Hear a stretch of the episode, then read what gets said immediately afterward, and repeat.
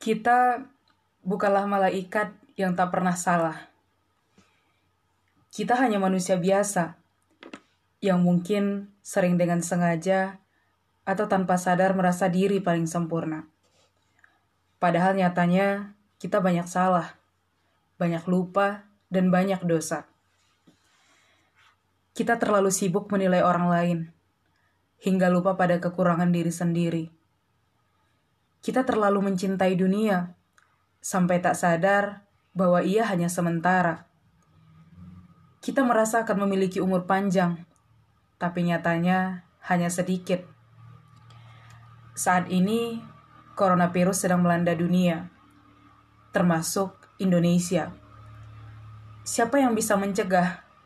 Sedang kuasa hanya ada di tangan Sang Pencipta. Saat ini, kita hanya bisa ikhlas, sembari berusaha dan berdoa agar selamat dari ujian yang ada.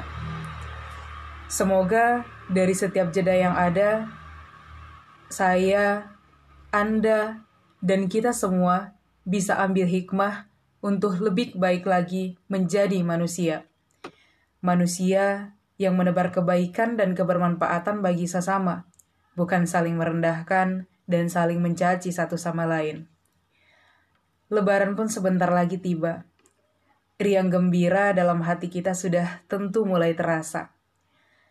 Ingin berkumpul dengan saudara dan keluarga, berharap semua akan baik-baik saja. Ingat, Tuhan adalah tempat meminta segalanya. Berharap padanya tidak akan pernah kecewa. Jadi, kita jangan pernah berhenti berdoa ya. Semoga semua lekas pulih seperti biasa.